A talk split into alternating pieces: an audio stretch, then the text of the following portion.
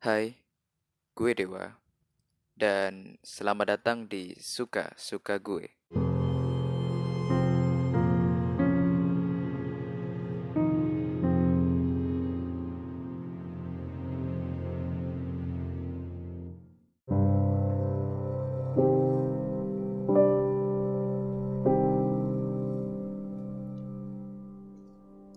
Akhirnya kita sampai di episode 2. Dan kalau kalian ingin melihat cerita yang lainnya jangan lupa untuk lihat juga episode 1 tentang cerita cinta monyet. Ya. kalau kalian emang minat dilihat aja dulu. Nanti kalau udah selesai baru lihat episode 2. Nah, di episode 2 ini entah kenapa gue tiba-tiba pengen banget cerita tentang pengalaman hidup gue dalam masalah dunia pergoipan. Karena kadang kita merasa kalau hidup itu nggak akan lengkap tanpa adanya genre horor yang sedikit mencolek alur hidup kita. Dan gue percaya kalau kita ngomongin hal-hal yang begini, maka tidak akan lepas dari satu kepercayaan yang sudah melekat di masyarakat luas. Yap, yaitu mitos tentang anak bayi bisa melihat makhluk tak terlihat. Yang gue ingat cerita ini bermula dulu tahun 2015 gue punya seorang adik cowok yang saat itu berusia 2 tahun. Pas. Jadi bener-bener ulang tahun tuh, 2 tahun. Adik gue adalah sosok yang ceria, kreatif, dan hyperaktif. Dan memang begitulah sifat normal bayi seusianya. Gue saat itu masih duduk di bangku pendidikan sekolah menengah pertama. Dan pada usia itu, gue dan teman-teman gue masih sangat tergila-gila dengan topik pembicaraan horor. Dan selama istirahat makan siang, yang kalau tidak salah satu jaman, itu kami selalu menghabiskan waktu untuk pembicaraan yang 90 persennya adalah horor. Jadi kalau waktu SMP dulu tahun 2015 itu kalau nggak salah yang ngetren itu apa ya horor itu ya? Itu video di YouTube yang penampakan Jepang, hantu Jepang itu yang sampai 50 penampakan. Nah, itu tuh yang dulu ngetren. Terus ada apa ya? Penampakan apa lagi ya yang ngetren dulu itu? Banyak sih dan itu yang menjadi topik pembicaraan kita biasanya kalau makan siang. Awalnya pembahasan itu hanya pembahasan video penampakan channel YouTube biasa sih. Namun semua berubah ketika ada temen gue nih yang tiba-tiba nyeletuk membahas tentang mitos bayi yang bisa melihat makhluk gaib. Seolah petir yang datang tiba-tiba, rasa khawatir dan takut pun akhirnya muncul secara tiba-tiba. Malam hari pun tiba. Jadi setelah sekolah nih, setelah sekolah, gue udah di rumah. Dan sialnya, rasa takut itu masih melekat. Karena secara gue punya adik yang masih umur 2 tahun. Gak ada angin, gak ada hujan, adik gue tiba-tiba nangis. Nah nih. Karena minta minum susu. Sialnya stok susu formula adik gue itu habis. Saat itu kalau nggak salah jam jam 9 setengah sepuluhan malam lah udah malam banget pokoknya jadi gue yang asik-asiknya main game sambil ketakutan kaget nah apalagi nih bocah nih Ternyata gue lihat emang stok susu formulanya habis. Dan tangisan adik gue pun akhirnya semakin merengek karena meminta susu. Makin lama makin merengek dan makin melengking. Akhirnya daripada semakin menjadi-jadi. Gue yang saat itu masih ketakutan memutuskan untuk yaudah gue beliin susu formula dulu deh ke minimarket terdekat. Namun adik gue yang masih nangis terseduh-seduh tiba-tiba ingin ikut nih ingin ikut gue beli susu. Cuman alasannya pengen minta es krim ya biasalah masih bayi. Dan daripada nangis lagi kan ya akhirnya gue turutin kemauannya. Nah gue terang gue jelasin dulu nih uh, rumah gue itu kayak apa.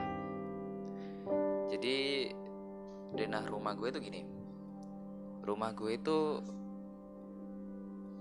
di seberangnya jalan utama desa jadi ada jalan utama desa nih. Sebelah jalur jalur kirinya itu rumah gua. Nah nyebrang rumah gua nih atau jalur kanannya jalan utama ini itu ada lahan kuburan yang besar banget. Jadi bener-bener luas banget. Nah di lahan kuburan itu tuh gelap udah besar gelap. Nah, karena lahan itu sangat rimbun, ditutupi oleh pohon mangga yang lebat. Dan hanya ada satu lampu yang saat itu menerangi lahan kuburan seluas itu tuh. Yaitu lampu yang tepat di atas kuburan yang masih baru. Jadi kalau nggak salah kuburan itu baru uh, belum sampai sehari. Lampunya masih lampu bohlam ya, lebih murah gitu kan ceritanya. Jadi terang tapi remang-remang. Dan saat itu jam 9 atau setengah 10 malam. Ketika gue ingin nyebrang ke jalan utama sambil ngebonceng adik gue nih. Entah kenapa adik gue tuh Tiba-tiba penglihatannya itu menuju ke arah kuburan yang diterangi lampu tadi. Jadi kuburan yang masih baru itu tuh. Dia hanya terdiam dan menatap tajam daerah itu tanpa berkedip sedikit pun. Jadi bener-bener melek aja tuh, udah diliatin kuburan.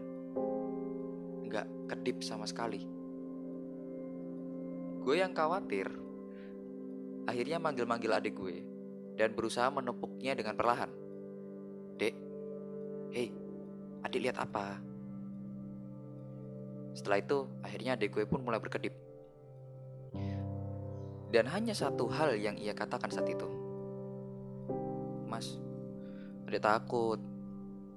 Sambil agak meringin gitu.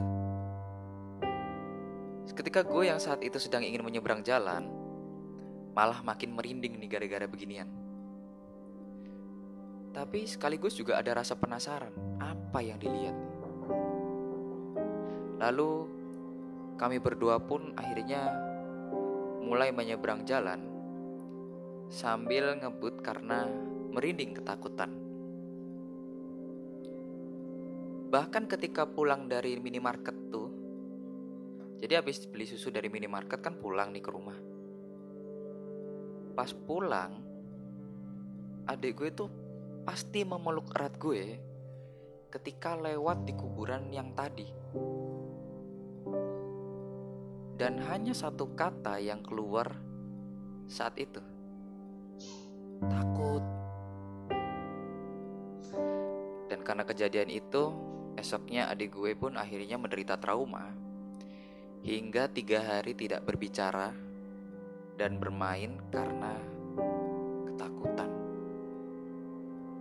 Jadi bener-bener diem di depan TV udah sambil nyemil apa tapi nggak nggak apa ya nggak seceria dan seaktif biasanya bener-bener diem kayak takut merinding tanpa ekspresi gitu. Dan ternyata ini bukanlah cerita akhir dari semua hal-hal aneh ini. Beranjak dua tahun, gue dan sekeluarga pindah ke kos-kosan di pusat kota. Karena adik gue butuh pendidikan yang lebih layak ketimbang di desa. Dan saat itu, gue dan keluarga gue sudah lima bulan menjalani kehidupan di kos-kosan itu. Sambil menunggu dan mencari kontrakan yang lebih besar dan lebih murah ketimbang kos-kosan. Sama seperti sebelumnya, adik gue yang kini berusia 4 tahun akhirnya sudah bisa berbicara dengan lebih lancar.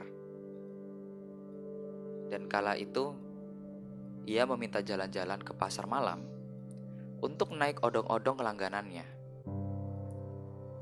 Akhirnya gue, adik dan ibu gue langsung pergi ke pasar malam menggunakan sepeda motor bebek 125 cc buatan Jepang. Mereknya nggak tahu deh, nggak bisa sebut nih. Saat itu jam setengah delapan malam. Memang sengaja kita berangkat jam segitu karena sholat isya dulu. Jadi pas jalan-jalan tuh nggak ada kewajibannya nyantol gitu. Udah lepas. Karena tempat kosan saat itu memiliki jalan utama itu deket banget dengan pabrik. Jadi ada perkomplekan pabrik yang besar, luas. Pabriknya tuh banyak, apa ya, kayak pabrik sebelahnya lagi pabrik sebelahnya lagi pabrik gitu dan di jalan itu memang sangat minim penerangan namun setengah delapan malam itu masih banyak kendaraan yang lalu lalang karena mungkin menjemput keluarga yang bekerja di pabrik sekitar. Tidak ada yang aneh saat itu. Kami hanya berangkat menuju pasar malam sambil bercanda tawa karena adik gue yang mulai sering berbicara itu mulai lancar tapi tidak tahu cara menata kalimat. Sambil menikmati pemandangan bintang yang terang dan menemani, menemani perjalanan kita menuju pasar malam. Hingga tak lama berselang, waktu pun menunjukkan pukul 9 tepat. Kami memutuskan untuk pulang karena um, karena jam 9 malam itu nanti pagar kos-kosan itu ditutup. Jadi daripada dikunci, akhirnya kita pulang. Karena satu-satunya jalan menuju kos-kosan adalah jalan utama tadi. Akhirnya dengan terpaksa kami lewat situ jam 9 malam.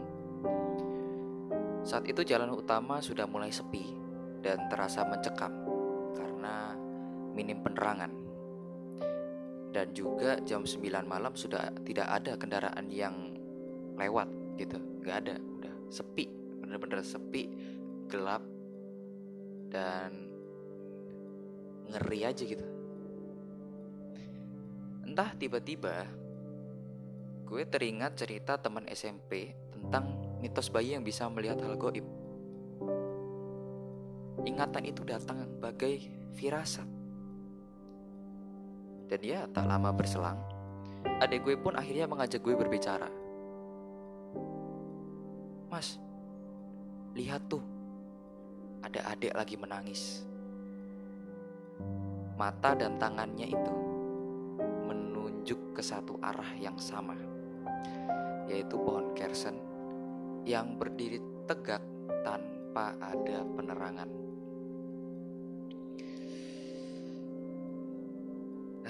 merinding gue Ntar Masih keinget gue sama begini nih Gue dan ibu gue pun ya Senormalnya manusia dibilangin ada hantu ya Ada ada makhluk gituan gak kelihatan kan ya Takut Tapi juga penasaran Akhirnya dengan spontan gue bertanya sama adik gue Dek, kenapa adiknya menangis? Dan adik gue pun menjawab Tuh, Kasian, matanya berdarah. Karena ibu gue khawatir adik gue kenapa-napa. Akhirnya beliau memutuskan untuk ngebut biar cepat sampai kos-kosan. Dari dua pengalaman itu, beruntungnya gue cuma pernah melihat satu makhluk yang pernah adik gue lihat yaitu penampakan yang di lahan kuburan itu. Jadi setelah kejadian itu, ketika adik gue masih trauma, gue dengan rasa penasaran yang egois ngajak teman gue untuk eksplor kuburan itu. Gue masih ingat saat itu pukul 5 15 5 lebih 15 sore. Mendekati maghrib gitu. Gue menemukan sosok kakek. Jadi gue masuk ke kuburan nih. Terus pas nyampe di tengah-tengah kuburan Gue sembunyi terus melihat ada sosok kakek yang membawa tongkat panjang dari bambu Panjangnya saat itu sekitar 2 meteran. Pokoknya lebih tinggi daripada kita lah. Kakek itu kalau gue lihat gak pernah nampak di desa. Gak pernah kelihatan di desa. Saat itu kakek itu mengenakan baju yang berwarna ungu, kaos polos gitu. Dan celana pendek berwarna abu-abu dengan noda tanah di sekujur kaki dan celananya. Dan kakek itu pun tidak mengenakan alas kaki sama sekali, atau kalau Jawanya kita sebut nyeker. Jadi di kuburan nyeker dan penuh noda tanah.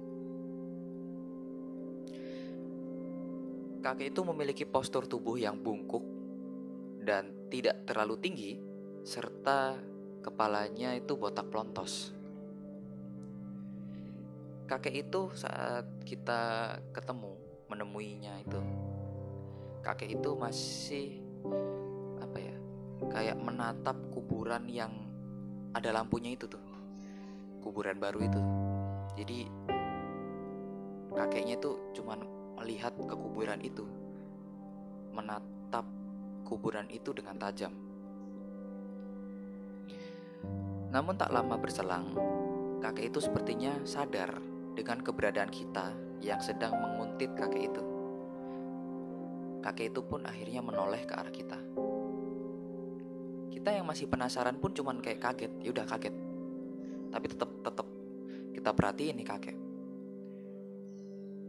Agak lama kita bertatap-tatapan dengan kakek itu. Bener-bener bertatap-tatap mata. Gue gue masih merinding. Sorry sorry. Dan uh, anjir merinding gue. Merinding sumpah. Gue masih keinget bener gue keinget banget kejadian itu. Dan setelah kita bertatap-tatapan lama kakek itu pun akhirnya mengalihkan pandangannya. Dan tiba-tiba dengan dengan kagetnya kakek ini pun tiba-tiba meloncat loncat dan melangkahi kuburan itu. Loncat. Kita yang bingung. Tapi masih penasaran tuh masih dilihat. Ini ngapain nih kakek loncat? Dan ternyata kakek itu terus meloncat, meloncat, terus sambil ngelangkain kuburan sebelahnya dan seterusnya mengikuti arah matahari terbenam. Dan yang gue tahu, setelah kuburan itu setelah lahan itu itu nggak ada lahan perumahan atau lahan untuk manusia hidup jadi setelah itu kakek itu masuk ke hutan